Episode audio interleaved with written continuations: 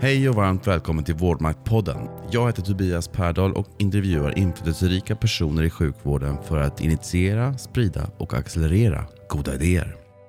Stort tack till er som lyssnar för all konstruktiv återkoppling i social media. Vårdmaktpodden publicerar numera ett nytt avsnitt varannan vecka. I avsnitt 11 talar jag med Britta Wallgren, narkosläkare och VD för Capio Sankt Görans sjukhus i Stockholm och stundande landschef för vårdkoncernen Capio.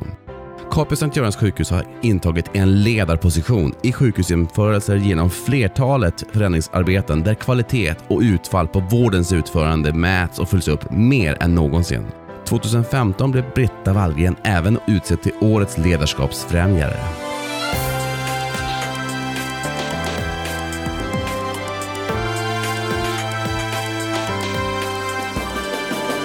Idag talar vi om resan till att bli narkosläkare och sedermera VD för ett av Sveriges största akutsjukhus.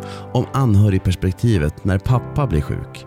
Om att jobba med ständiga förbättringar och om att ha en lön men två jobb samt digitalisering av vården och om vinst och förlust i välfärden. Ja, och mycket annat såklart. Varmt välkommen till Vårdmaktpodden, Britta Wallgren. Tack så mycket. Hur mår du idag? Jag mår bra, jag är lite förkyld, men i övrigt mår jag bra. I övrigt så, du känns liksom stark och vältränad, Britta. Eh, får man fråga om du lägger mycket tid på att gå på gymmet? Det var en jobbig fråga. det finns ett ärligt svar och så finns det wishful thinking. Jag har ett gymkort, men det, det har jag inte använt så mycket som det borde. Men jag promenerar mycket. Under läkarstudierna var du, var du aktiv i studentlivet? Ja, var jag. Vad gjorde du då? Jag var med i programutskottet på eh, MF, Medicinska föreningen i Stockholm. Har du kvar overallen? Ja. Åker den på ibland? Nej, den, den, förut när vi hade...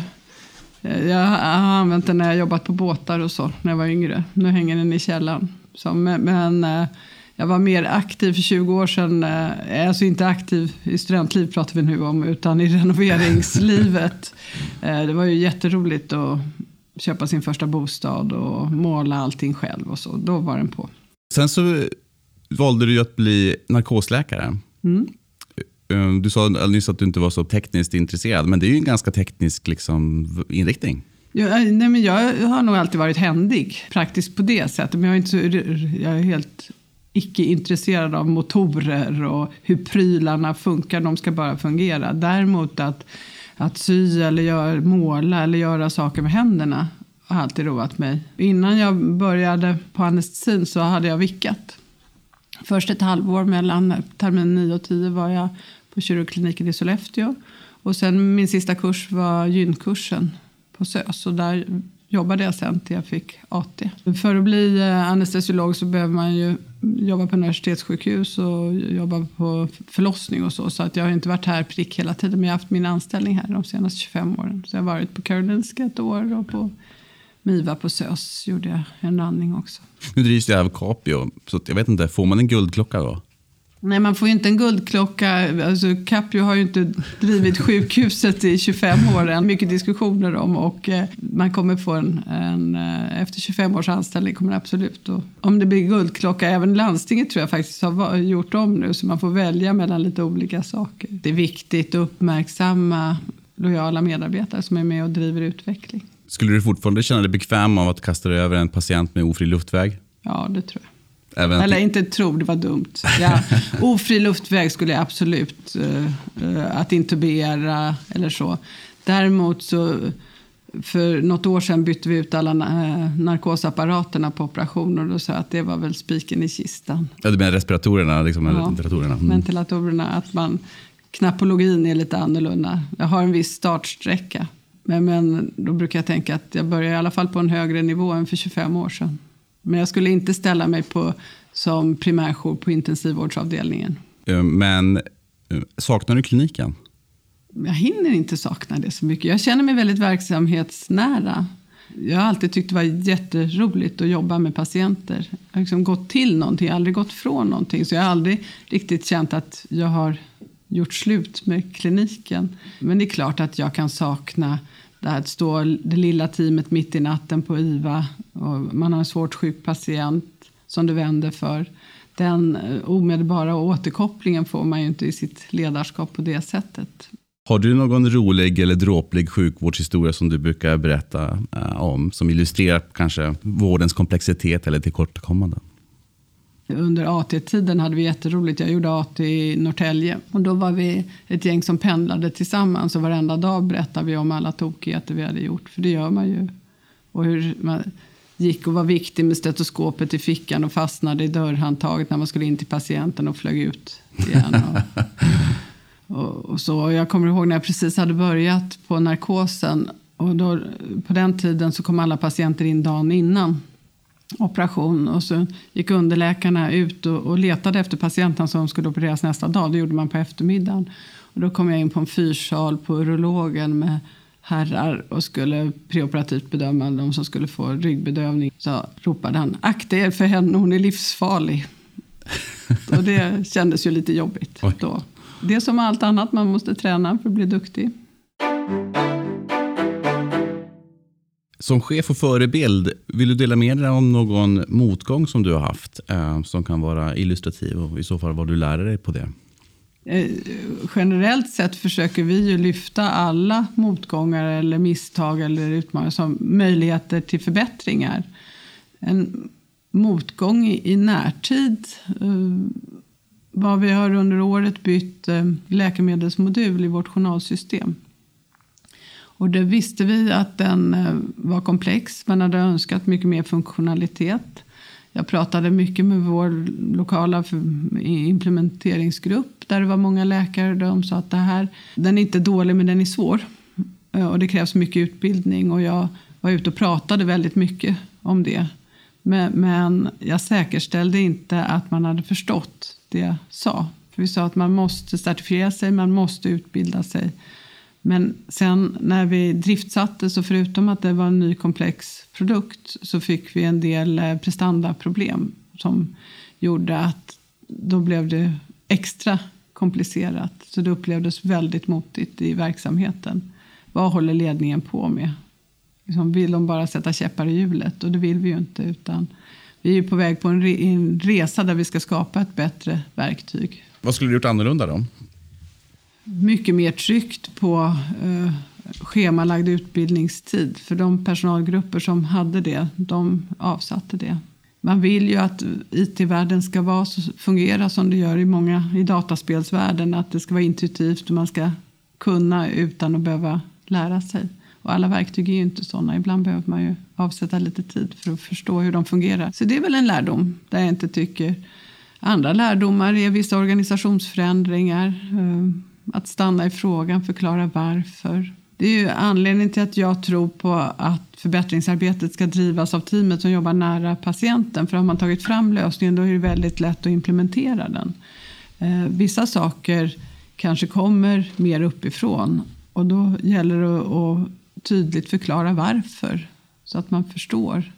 Och, och då är det mycket bättre med en lång förberedelsetid istället för att en kort förberedelsetid och sen försöka implementera någonting som inte finns acceptans för. Har du några framgångar som chef som du ser tillbaka på som du är väldigt stolt över? Jag är väldigt stolt över den vård vi bedriver här på Capio Sankt Göran. Jag är väldigt stolt över att vi vann anbudet. Och framför allt att vi jobbar så fokuserat fortfarande fyra år efter att vi skrev anbudet med, det är ingen pappersprodukt utan det är verkligen det vi försöker implementera. Och för de som lyssnar nu, anbudet, vad, vad, vad var det för någonting? Capio Sankt Göran är ju Sveriges enda privata akutsjukhus. Vi är privatägda men vi är helt offentligfinansierade. Och avtalet att bedriva vård här eh, skedde, mm, det vann vi genom en eh, upphandling, en LOU, lagen om offentlig upphandling. Eh, avtalet började gälla 2013 men upphandlingen var 2011.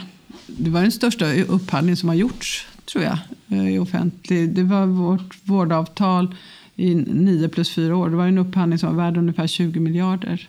Där det var en tydlig kvalitetsdel och eh, en prisdel. Får man fråga, firar du framgångarna på något sätt? Då? Framförallt genom att lyfta goda exempel.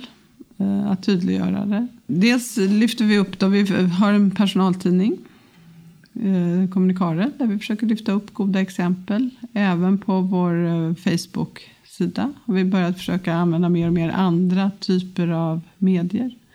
Eh, när vi har ledardagar har jag alltid ett antal personer ur verksamheten som får berätta hur de jobbar med förbättringar. Du tar ut dem på scen så får de, Ja. får de illustrera som goda Ja. exempel. Ja. Vad ser du som är viktigt då för att lyckas som ledare i sjukvården? Vad, vad, vad skulle du säga karaktäriserar liksom en, en framgångsrik ledare? Det första är ju ledarskap är ju delvis en egen profession och man måste ständigt jobba med att utveckla den. Så man måste vilja vara chef. Vad vill jag åstadkomma? Och brinna för det man gör. Jag brukar få frågan ibland hur ska man vara som chef på, på Capio Sankt Göran. Jag tror att vi behöver väldigt många olika typer av chefer.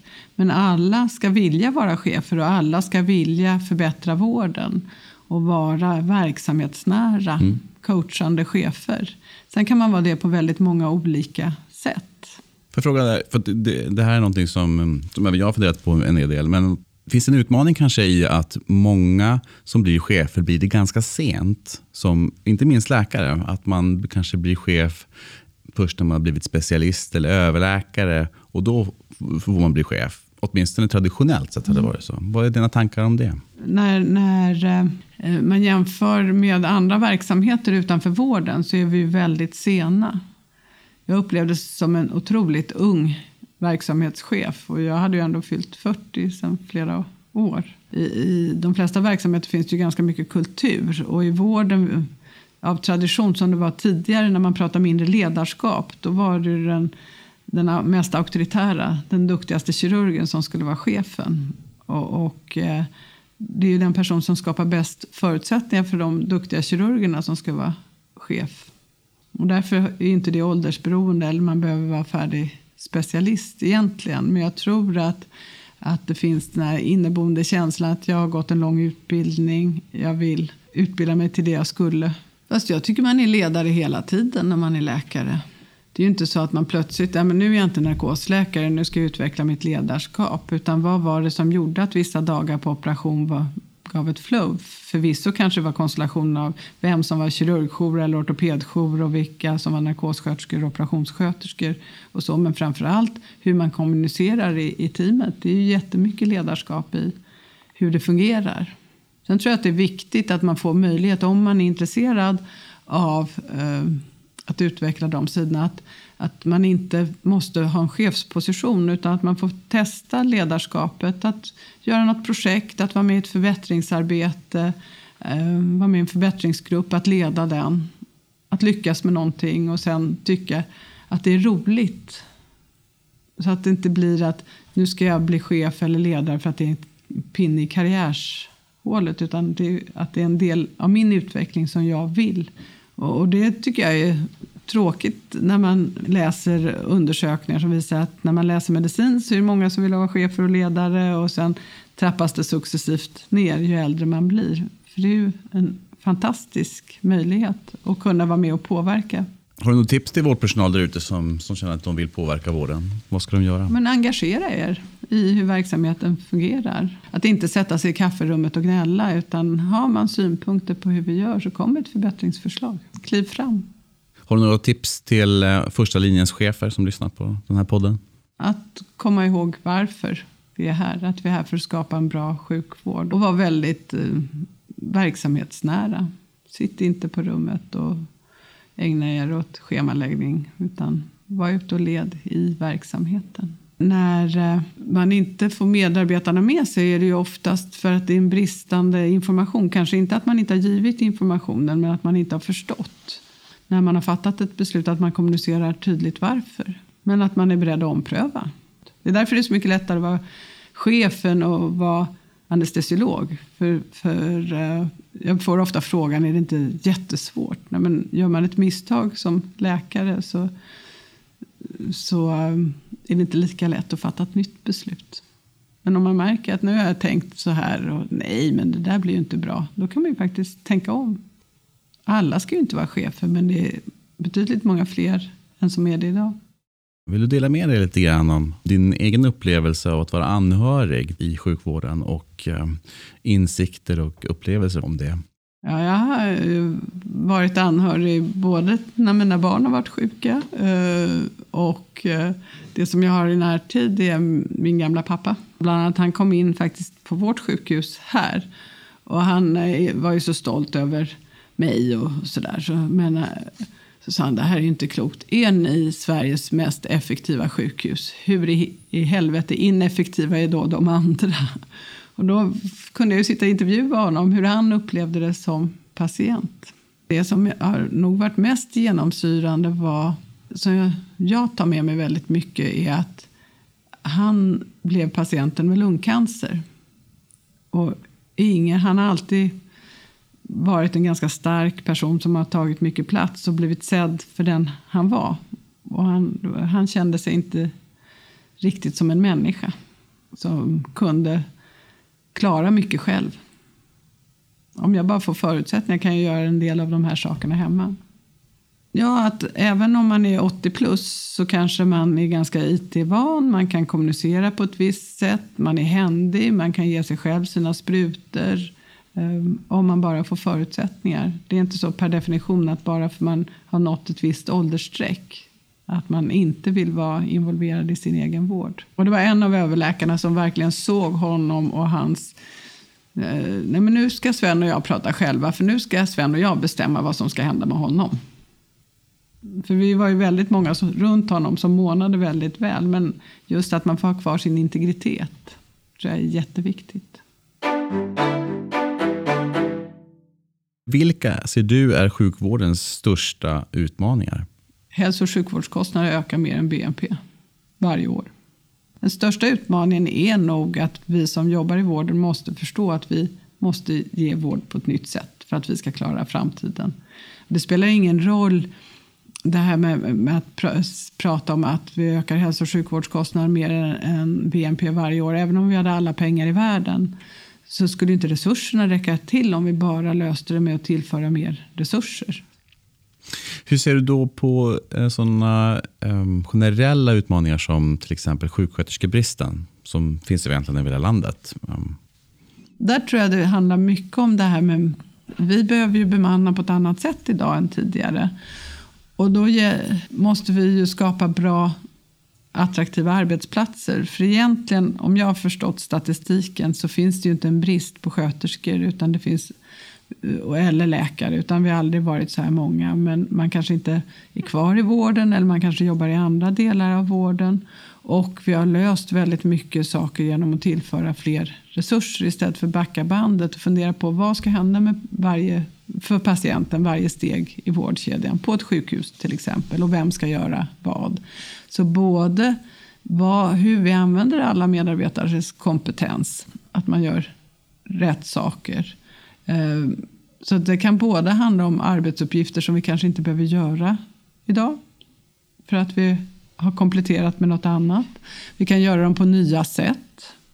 Dokumentation är ju något som jag ofta lyfter Eh, som vi kan göra väldigt mycket mindre av om vi funderar på varför vi dokumenterar. Eh, dokumentation är ju viktigt för nästa steg i vårdkedjan för patienten. En patient, en journal. Idag är det inte riktigt så. Idag är det en profession, en journal. För att man filtrerar och 70 procent av det som står i journalerna är dubbeldokumentation. Så där kan man hitta väldigt mycket tid att ta bort. Sen kan vi flytta arbetsuppgifter mellan olika yrkeskategorier och säkerställa om dokumentation handlar om att det bara är en i teamet kanske som behöver dokumentera en sak istället för att man rondar och så går fem olika yrkeskategorier och antecknar någonting. Så kan man ju också se till att, att um, vi som är vårdutbildade använder våra kompetenser till det de behövs på. Mm. Så vi har ett jättespännande, eh, vår pilotavdelning där vi arbetar mycket mer med vårdnära service. Så, så att eh, köken faktiskt, dels frigör vi tid till patientarbete för, för undersköterskor och sjuksköterskor. Men också blir köksarbetet mer professionellt utfört. Eh. Om jag inte har fel så har inte även KP Sankt Göran också utmaningar med att rekrytera sjuksköterskor? Ja, framförallt att behålla. Eh, vi har en alldeles för hög rörlighet bland sköterskor. Och det är mycket arbetstiderna när vi frågar dem. Många trivs, men man vill inte jobba kvällar och nätter. Och det är en jätteutmaning för dem. I akutsjukvården så kommer vi inte kunna trolla bort arbetet på kvällar och nätter. Utan den här ständig sysselsättning i min hjärna. Hur ska vi komma runt det här? Vad tror du själv är lösningen där? För, eller lösningen, men att, vi pratade om det alldeles nyss, men att om vi ska följa patientens behov så kommer mer av vår arbetstid behöva läggas kvällar och helger, kanske också nätter, vilket man som individ inte kanske vill jobba så mycket av. Eh, och där har det ju blivit en förändring tycker jag över de åren. Jag tyckte ju att det var lysande när jag hade små barn att jobba just obekväm tid. För då kunde vi, vi var ju två föräldrar, då kunde vi, jag jobbade mycket på helgerna och var hemma mycket i veckorna. Tvärtom idag eh, så upplever jag att många av våra även yngre medarbetare tycker att det är alldeles för slitsamt. Så dels handlar det om hur man skapar en, liksom vad är en bra arbetsmiljö? Och dels handlar det om att kunna vara med och påverka. Tror jag, vara med, eh, kunna vara delaktig i förbättringsarbetet. Att se till att vi lägger hälsosamma scheman. Att man inte blandar dag och natt för mycket. Eh, att vi blir bättre på att kommunicera vår poängmodell. Att man faktiskt kan välja om vi är tillräckligt bra bemannade så, så ger det ju mer att jobba en kväll eller en natt än ett dagpass. Så man kan faktiskt välja att jobba lite mindre. Och sen att kunna jobba med kompetensutveckling. Att man känner att man kan faktiskt utvecklas på sin arbetsplats. Så jag tror inte det finns en lösning. Mm. En annan diskussion som har kommit fram är att Sverige har ett alltför sjukhustungt vårdsystem. Om man tittar på internationella jämförelser så lägger vi tror det är 17 procent av vår sjukvårdskostnad, totala kostnad på primärvården, vilket är väldigt mycket lägre än alla andra. Vad är dina tankar om det som sjukhusförespråkare eller representant? Jag har ju vuxit upp i akutsjukvården. men det är klart att vi måste ge vård på ett annat sätt i framtiden. Eh, och det handlar inte bara om att flytta över till primärvården utan kanske ännu mer flytta över saker till patienterna. För att kunna få eh, frigöra resurser för de här allra sjukaste och kunna jobba riktigt bra med dem i vårdkedjan så finns det ju många patienter som kan göra mycket mer själva och på så sätt också frigöra tid för andra patienter. Att av vissa patienter som kommer kunna göra saker helt själva. Kroniska patienter som med rätt stöd, de lever med sina sjukdomar eh, 24 timmar om dygnet, 365 dagar om året, kommer till sjukhuset två kvartar eller två halvtimmar om året. Att se till att de får ett bra stöd. Historiskt så har vi i sjukvården eh, kanske inte mätt och utvärderat hur det går för våra patienter på kliniknivå eller för den delen på individnivå. Det börjar nu ändras kan man väl säga att det blir fokus på eh, utfallsmått för patienterna. Och jag vet att ni jobbar mycket med det här på, på Sankt Göran. Vad är dina tankar om att mäta och utvärdera utfall i vården? Det är ju centralt. Varför är vi på jobbet? Ja, men vi vill skapa en bra vård för våra patienter. Och hur vet vi att det vi levererar är bra? Då måste vi mäta. Och då, det är både medicinska outcome som vi kan mäta. Vissa saker kan vi inte mäta utan måste fråga patienterna. Eh, det som kallas för patientrapporterad outcome. Du kan ju ligga jättebra i dina blodsockervärden som diabete, eh, diabetiker men ändå ha ett uselt liv för att du har så mycket blodsockerkänningar. Så att man måste ju också fråga hur patienterna mår. Och inte minst hur patienterna upplever vården. För vi vet att följsamheten till, oavsett om det eh, handlar om att träna sjukgymnastik eller ta sina mediciner, är mycket större om man upplever att man har blivit sedd i vården. Så patientupplevd kvalitet är också viktigt. Så vi mäter alla de här tre, för annars kan vi inte veta att vi gör ett bra jobb. Gör vi rätt från början så, så blir patienterna friska fortare och då frigör ju också resurser för nya patienter. Det ska inte vara beroende vilken patient du är, vad du får för vård, men inte heller vem du träffar, utan vi ska göra en hög, jämn nivå. De här utfallsmåtten och de här olika aspekterna kring utfallsmått som du nu tar upp har man ju inte mätt så länge. För kvalitetsregister har vi haft jättelänge och det finns vissa register som går tillbaka 30-40 år i tiden. Ja. Men jag tror det är väldigt få, om nu vi tänker de som lyssnar på podden och jobbar i sjukvården, som dagligdags, eller veckovis, eller månadsvis ens, eller ens på årsbasis har fått återkopplat hur det går för de patienterna man tar hand om. Kanske och det är, är det ganska en... märkligt, ja, visst är det? Ja. Ja. Ja, men precis. Jag menar, återigen, vi är ju här alla för att jobba men med Men inte mycket är väl också kultur? Tänk om du jobbar i en annan bransch så klart att du vill veta hur det går. En, en aspekt är också att väldigt många som kommer in i sjukvården från andra branscher blir ju helt frapperade mm. när de upptäcker att vi inte vi mäter, vi, har mät, eller vi mäter kanske produktivitet, mm. antal operationer, antal patienter, men väldigt lite kopplat till hur det går för dem. Mm.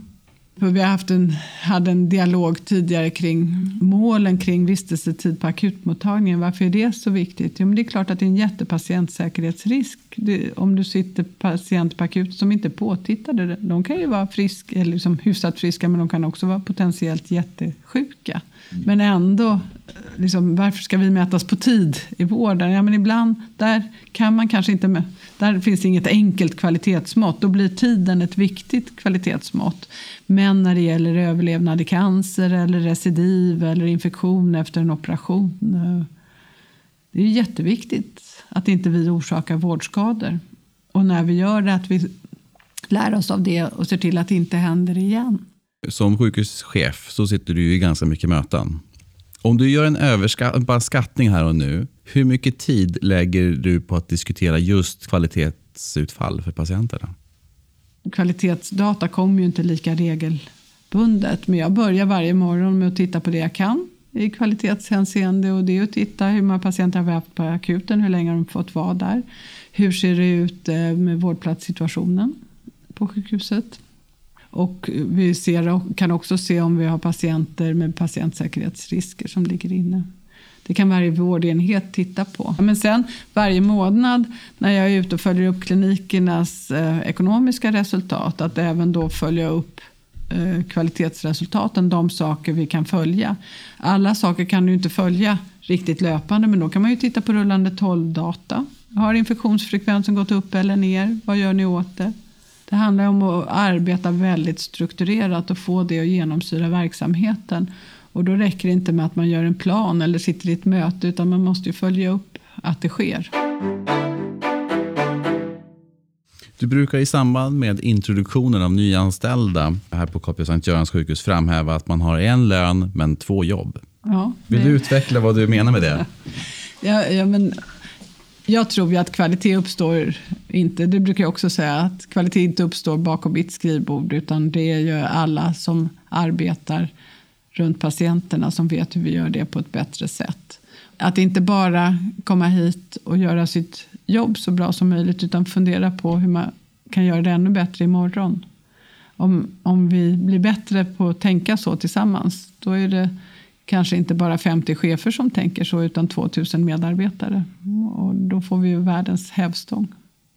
Men det gäller att skapa rätt förutsättningar också. Den, och det är ju mycket en öppenhet och en transparens och att ha väldigt verksamhetsnära första linjens chefer. För det är där man skapar förutsättningar för att delta i förbättringsarbete, att vilja bli bättre och vara lite nyfiken och modig när medarbetare kommer med förslag till lösningar. Inte säga att det där har vi prövat för tio år sedan, det var inget bra. Utan verkligen våga pröva att göra saker på nya sätt. Vad brukar du säga till dem?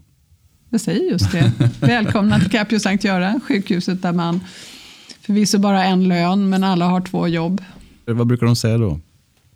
Eh, så frågar jag om de tycker att det är floskelartat och då tittar de lite generat sådär. Och sen säger är ni med på det här nu? Ja. Sen är jag tydlig med att säga att det fungerar inte optimalt överallt och att vi har ju jättemycket kvar att utveckla. Det är därför det är viktigt att komma med nya fräscha ögon att de ska känna sig som tillgångar när de kommer. Men då är det också viktigt att man blir mottagen så ute på den enhet där man börjar jobba. Jag ska passa på att vittna, för att jag har jobbat på det här sjukhuset på ett antal avdelningar. Och någonting som... Här inkognito, har varit ja, exakt. wallraffat som, lite. Som, som, nej, som läkare så har jag, har jag ju då gjort en del av min specialisering här.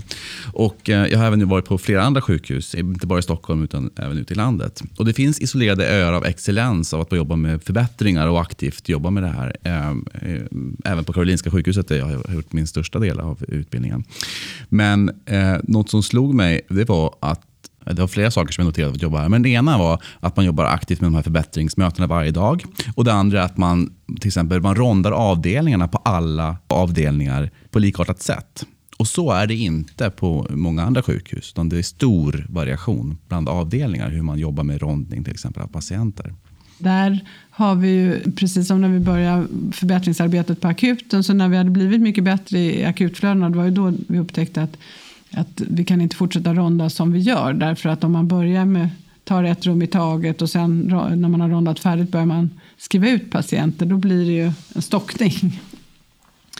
Och då var det en enhet som var väldigt tidig och föregångare och fick massa uppmärksamhet. Det var en av våra hjärtavdelningar som var först ut. Det, det var ett team av både vårdenhetschefen och en av doktorerna, en av överläkarna. Man kan inte trycka på lösningar på andra.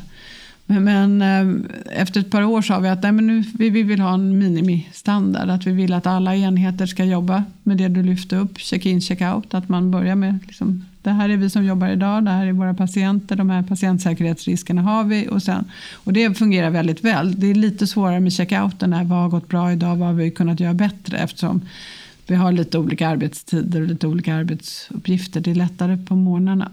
Men sen kom det till den här behovsstyrda ronden. Att man börjar med att ronda de som är akut inkomna eller försämrade. Men sen rondar man alla som ska gå hem så att man frigör vårdplatser.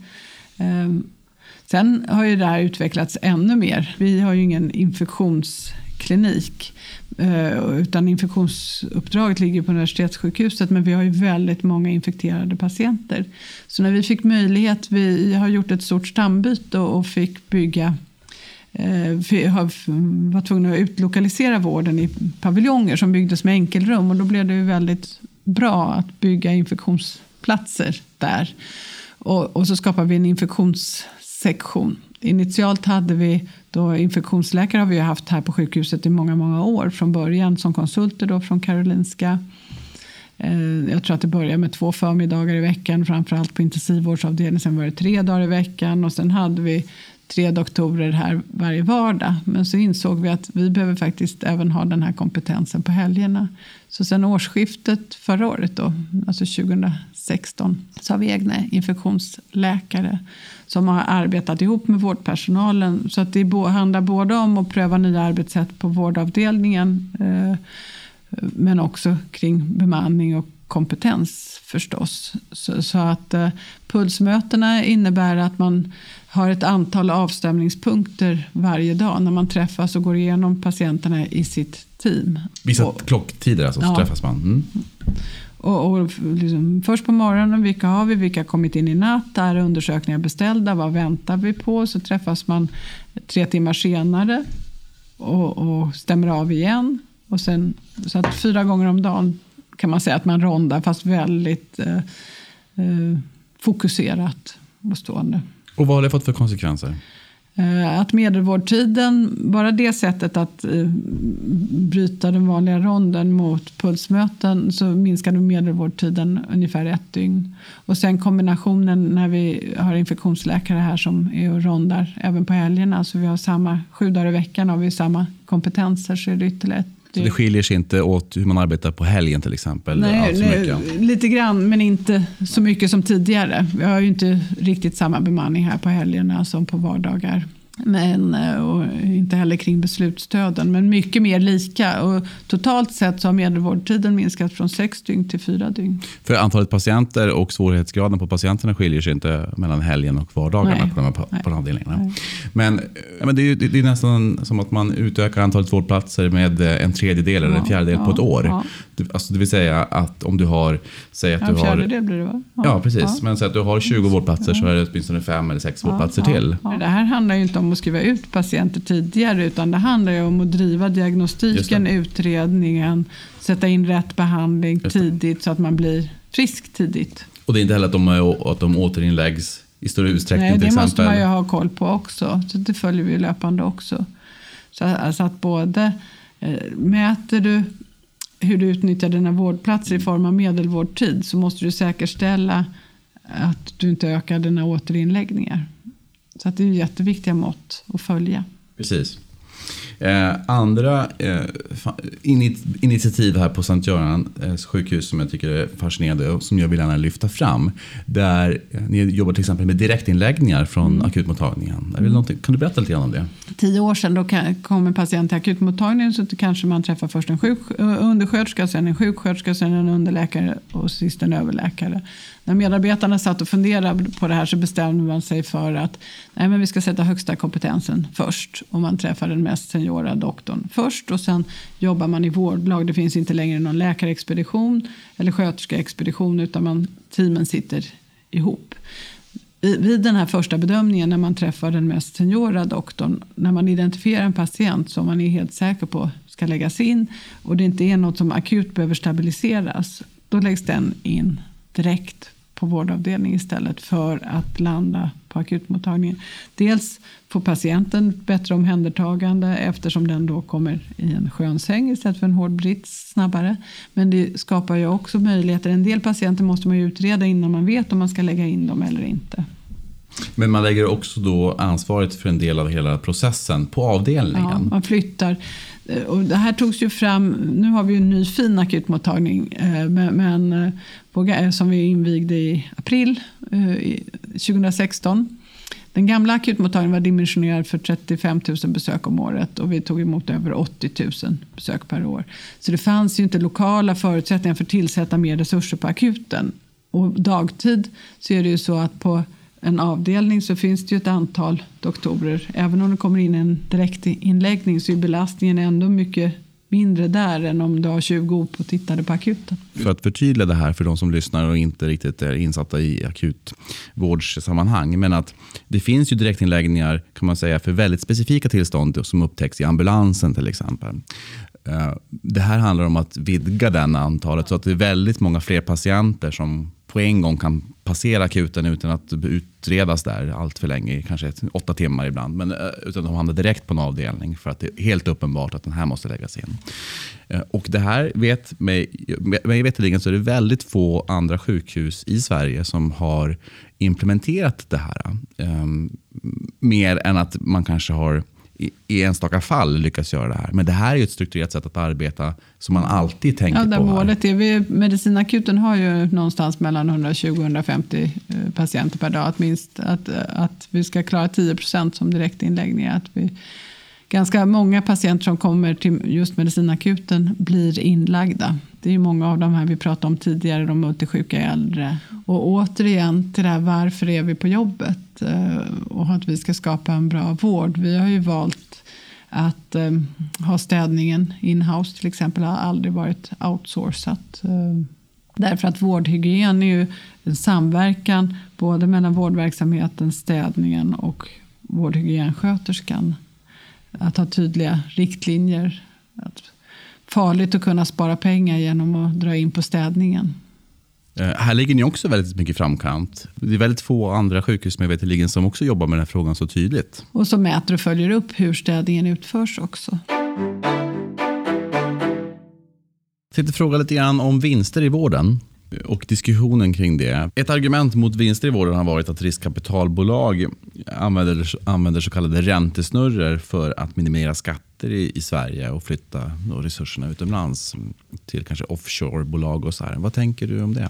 Vi var ju tidigare ägda av riskkapitalbolag och det handlar ju egentligen om att de går in och investerar och sen vill de sälja någonting som de har köpt dyrare. Och hur säljer man något dyrare? Jo, det är ju genom att förädla innehållet. Så, så, att det finns ju för och nackdelar med alla ägarformer. Men, men investeringsviljan i en tidig fas av riskkapitalägande är ju otroligt hög.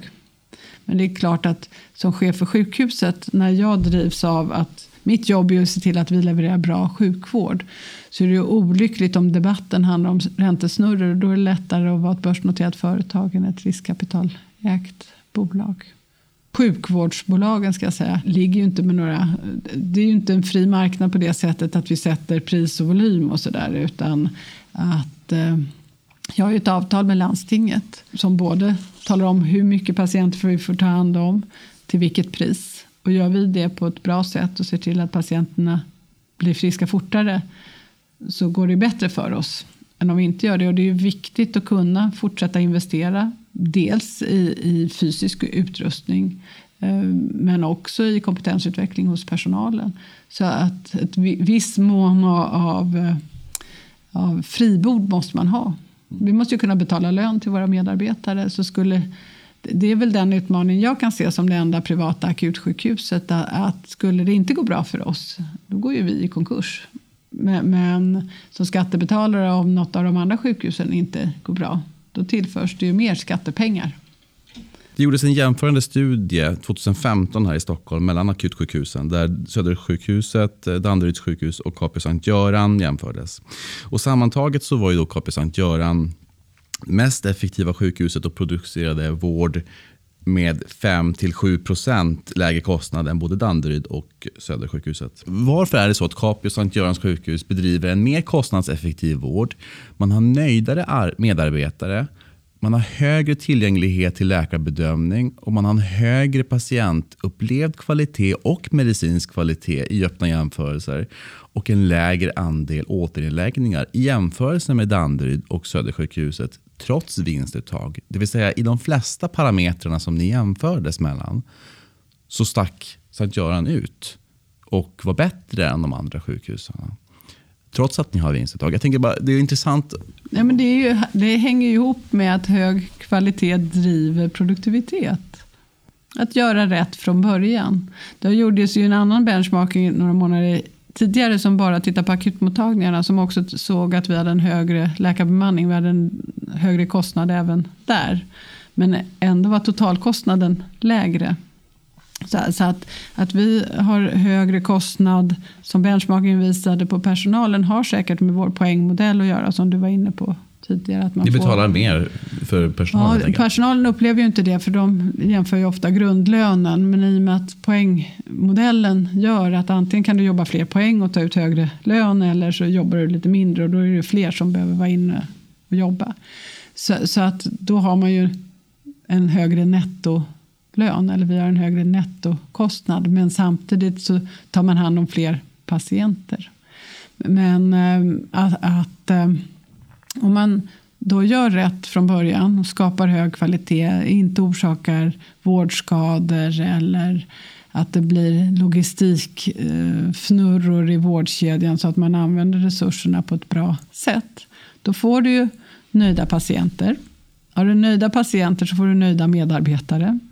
Och det, det, är så här, det hänger ju ihop, för att nöjda medarbetare skapar ju också nöjda patienter. Så det handlar ju om att, att utgå från patienten och patientens väg genom sjukhuset och skapa bra förutsättningar för, för alla som jobbar här att ge bra vård och säkerställa att vi faktiskt gör det i varje led. Jag måste också passa på att fråga, för jag vet att du kan en del om det och um, tycker det är viktigt att prata om digitalisering i sjukvården. För det händer väldigt mycket inom det området och jag vet att även ni jobbar mycket med det i ledningen. Så många ser ju att det finns en stor outnyttjad potential i sjukvården eh, genom att kunna använda digitaliseringsmöjligheter bättre. Så om du ser nu och framåt eh, de kommande åren, var, var ser du liksom framtidens liksom, möjligheter här med digitaliseringen? Vad kommer hända? Otroligt mycket möjligheter. Nej, men det är ju olika om man börjar med patienterna så kommer patienterna ha helt andra förutsättningar. Både att ta del av sin information men också att framtidens Eh, öppenvårdsbesök kommer ju inte vara att man kommer till en mottagning bara. Vissa patienter kommer fortsätta komma hit. Andra kommer ha en kombination av eh, fysiska besök och kanske videobesök. Men en hel del besök kommer ju vara så kallade, med ett fint ord, asynkrona besök. Att man kan chatta när det passar en själv eller skriva, få säkra svar. Mycket provsvar och sånt som idag görs i telefon. Det är också en sån här personlig upplevelse när man vill få tag på någon och ringer och så ska man, hamnar man i en telekö som säger att jag ringer tillbaka till dig imorgon klockan 10. Det handlar om att jag ville få reda på lite information om min pappa. Och klockan 10 nästa dag så att jag i en paneldiskussion. Jag kan inte bli uppringd klockan 10. Jag vill prata nu när jag har tid. Ehm, det kommer vara helt borta. Vi kommer kommunicera på ett helt annat sätt. Vi i vården är ju verkligen enormt efter alla. Allt annat gör du på kvällar vid datorn, bokar resor, gör bankärenden och kommunicerar. Jag försökte boka om en mammografitid och det går ju faktiskt idag om det är så att man, remissen, man inte har missat sitt besök för då börjar man om på ruta ett. Eh, men annars så, så, att kunna ta del av information men också att kunna boka tider. Det finns ju väldigt många farhågor i vården att släppa tidboken fri. Vi ser ju inte de enheter hos oss som har gjort det. Eh, det blir ju färre telefonsamtal, inte fler. Och patienterna bokar inte en massa konstiga tider. Eller så. Så det är en stor, patienterna kommer få det mycket, mycket bättre. Och kunna göra en del av vården själva. Att man kan fylla i sin hälsodeklaration eller hela anamnesen egentligen. Eh, och skicka in den innan så att den finns i journalsystemet där du som läkare möter patienten. De har ju flyttat en del av vårdarbetet till patienterna och frigör tid. Medarbetarna kommer också ha mycket bättre eh, stöd i framtiden. Du kommer ha din lilla app där, där du bara, det kommer in en patient på akuten med andningssvikt och så bara ploppar du det du vill beställa undersökningar så beställs det automatiskt och genererar en journaltext av det som behöver dokumenteras. Men när sker det här Rita? Ja, men mycket är ju på gång. Eh, mycket kommer att ha eh, skett inom fem år. Mycket att boka tider, att läsa sin journal. Där är vi ju redan. Mm. Vi använder 1177 Vårdguiden. Det är nästan 900 000 stockholmare som har ett konto på 1177. Så det handlar om hur vi i vården svarar upp. Att vi ändrar våra arbetssätt och faktiskt inte bara kan svara i telefon utan det kommer ju vara en transition. Patienterna fortsätter ju ringa tills de upptäcker att det går lättare att kommunicera på ett annat sätt. Så de tekniska förutsättningarna finns ju för många av de här sakerna redan idag. Ehm, sen tror jag att en del saker tar längre tid för att vi vill att det ska vara så himla perfekt. Ehm, videomöten gör vi idag redan i viss mån. Men, men ehm, hur, många videomöten gör ni? Vilka ligger i framkant här på sjukhuset? På sjukhuset pilotar vi på vår smärtklinik. Gör upp titrering av eh, smärtläkemedel. Det är en läkare där och sen är det en läkare och en sjuksköterska på medicinmottagningen. Så det är i liten skala. Eh, det där kommer ju också... Eh, tveksamheterna är att börja att man vill... För det första ska det vara säkra lösningar men de ska ju också helst vara kopplade till vår tidbok eh, Eh, och vårt journalsystem. Idag finns, och sen ska vi dessutom ha ersättningssystem som ersätter den här typen av besök. Och det finns en tröghet i systemet att det inte allt är på plats. För idag har vi varken ersättningssystem eller integrerat i tidboken. Eller, det är ju en separat lösning. Läkarna kör ju med två datorer. En där man pratar med patienten och en där man ser journalen. Men allt det där är på gång. Tekniska förutsättningar kommer komma eh, för ett integrerat hanterande inom det närmaste året. Utan det handlar ju också mycket om att ändra arbetssätt och att göra något annorlunda är ju det svåraste som finns. Och förändring, det är bara att gå till sig själv. Även om du vet att, vi pratade träning i början av programmet. Mm. Jag vet ju att det är mycket bättre för mig att träna. Jag vet att jag orkar mycket mer, att jag kommer producera bättre på jobbet och ändå är det svårt att få till nya vanor. Så vi behöver lära om mycket hur vi levererar vård till våra patienter och det är klart att, att det kommer vara vi har massa early adopters och så, men, men innan hela systemet har konverterat att utgå faktiskt från patienten. Det, det är en resa vi är på. Så att, nej, men jag tror om fem år har hänt mycket. Och även då ur medarbetarperspektivet att ha lätt att hitta information och ha lätt att dokumentera. Och att det bara dokumenteras en gång. Um, och uh, om du ser liksom nu, för det var fem år bort, nästa år, alltså, nu 2017, mm. finns det någon särskild digital eh, satsning som du hoppas och tror väldigt mycket på kommer ändra eh, mm. någonting för patienterna det här året? Ja, vi har två, två appar. Vi har eh, då, eh, Ward App. Undersköterskan kan dokumentera direkt blodtryck och sånt inne hos patienten kopplat också till en elektronisk tavla. Så vi har både en elektronisk patienttavla där man kan flytta patienter, ploppa i att man är på röntgen eller sånt. Eh, och, och eh, en eh, padda som det är redan i bruk. Det har vi tagit i bruk på två, tre avdelningar nu. Och under året kommer det också komma kopplat till det en läkarapp. Idag när man strukturerar journalerna blir de extremt långa och svårhanterliga. Att skapa en bättre möjlighet för vårddokumentation, strukturerad vårddokumentation och det ändå blir en njutbar journaltext så att säga. Och sen eh, formulärtjänsten, att patienterna kommer kunna fylla i hälsodeklarationer och det importeras rakt in i journalen. Det kommer komma i år? Ja. Mm. Att, ehm, och sen har vi ju massa förutsättningar. Våra patienter kan ju boka tider på vissa enheter men inte fullt ut över hela sjukhuset. Så att, att använda de möjligheter vi har i ett breddinförande det kommer också ske 2017. Ni, ni har ju varit en ganska liten litet sjukhus kanske i jämförelse i Stockholm. Ehm, men nu kommer ni växa och bli tilltagande större på sikt. Mm. Um, du kan, ser du några utmaningar med att, att ni går från det lilla formatet till fler kliniker? Inte minst. Jag tänker på mm. att ni har delat upp medicinkliniken i flera olika. Mm. Um, kommer ni behöva föra in ytterligare ett chefsskikt mellan för att det inte blir för stor ledningsgrupp till exempel? Ja, eller så handlar det om hur, vilka beslut ska man fatta mm. i vilka ledningsgrupper. Det där pratar vi väldigt mycket om just nu. Vi, vi är förvisso ett litet sjukhus i Stockholm, eh, men vi tar hand om väldigt mycket patienter redan idag. Jämför vi oss med resten av Sverige så är vårt... Patienterna i Stockholm får ju söka vård var de vill men vi har ett avtal baserat på ett serviceområde som är hela innerstan och ut västerort där det finns socioekonomiskt både välmående och mer utsatta områden. Och där bor det någonstans mellan 350 och 400 000 invånare i vårt serviceområde.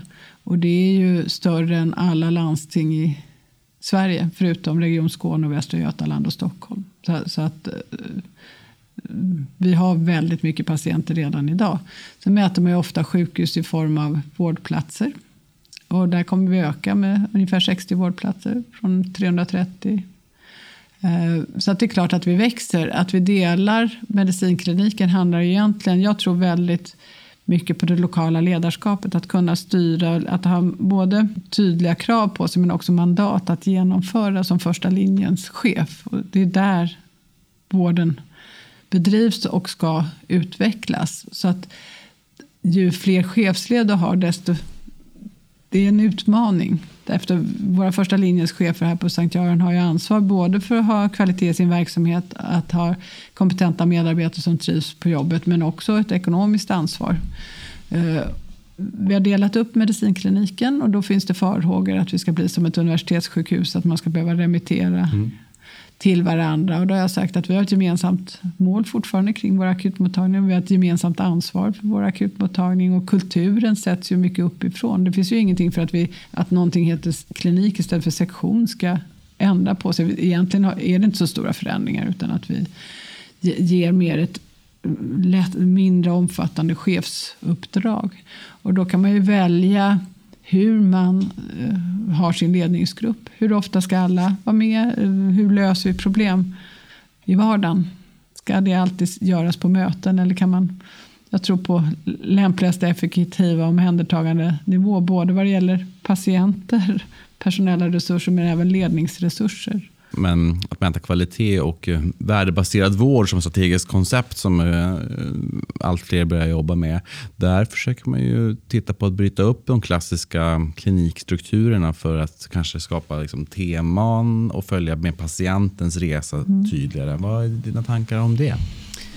Vi jobbar ju runt patienten. Om du tar vårt nya bröstcentrum så, så jobbar onkologer och kirurger, onkologsköterskor och mammografipersonal och läkare. Liksom, patologin sitter ju fysiskt på samma ställe runt patienten. Alla tillhör samma klinik egentligen utom eh, mammografin som är en del av radiologin. Och det framförallt när vi gjorde den, organisatoriskt så, så, sitter man fysiskt och man jobbar ihop och man jobbar med patientflöden och, och så ihop. Men själva kompetensmässigt för att kunna eh, utbilda och rekrytera så liksom vägde det upp att det var viktigt att vara en del av radiologin. Då kommer vi till några avrundningsfrågor. Vet du något om sjukvården som du tycker att det här borde andra känna till?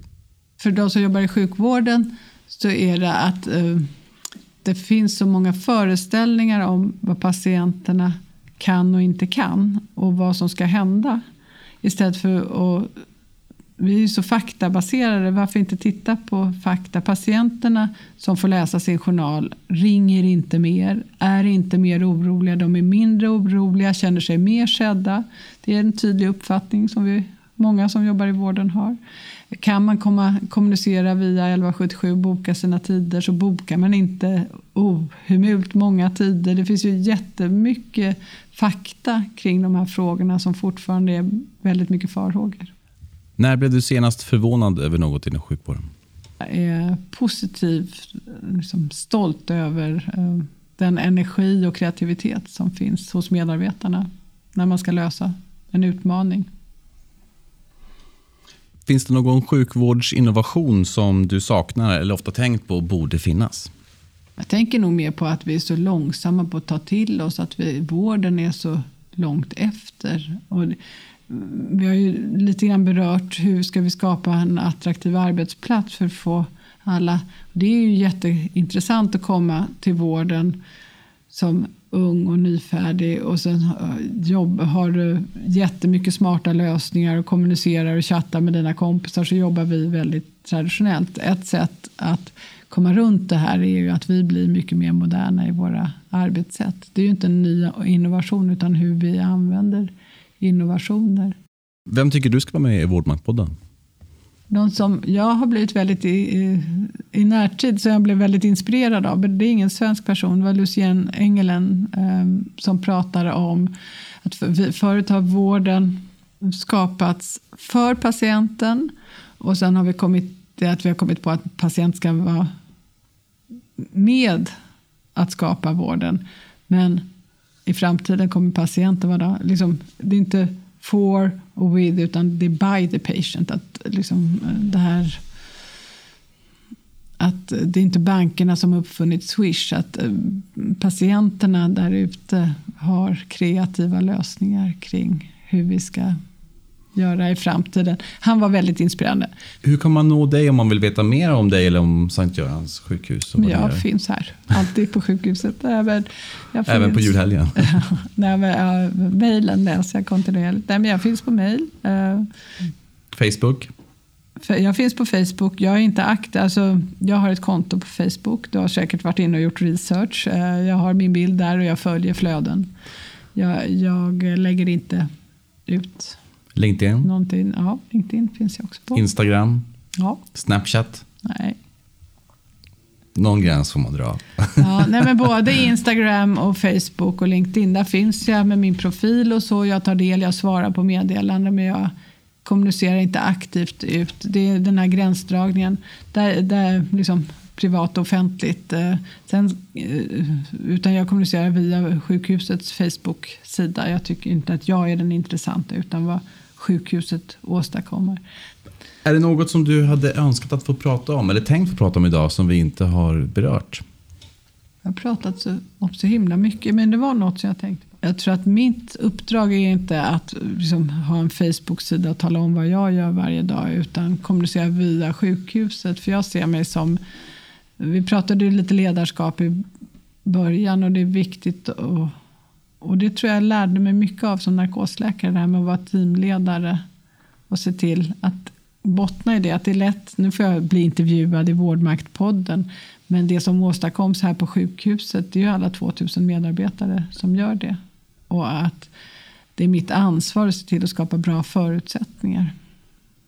Eh, så, så att, eh, och då tror jag att man får allt det där som du sa att benchmarkingen visade. Att känner man att man kan vara med och påverka då trivs man som medarbetare. Då är man med och skapar en bra vård av hög kvalitet och då får vi nöjda patienter. Bra. Stort tack eh, Britta Wallgren för att du har varit med i Vårdmaktpodden. Eh, otroligt intressant och inspirerande samtal och det finns många bra eh, exempel på förbättringar som ni har gjort här som vi andra som jobbar i sjukvården borde lyssna på och ta till oss. Tack så mycket. Vad roligt att få vara med. Tack.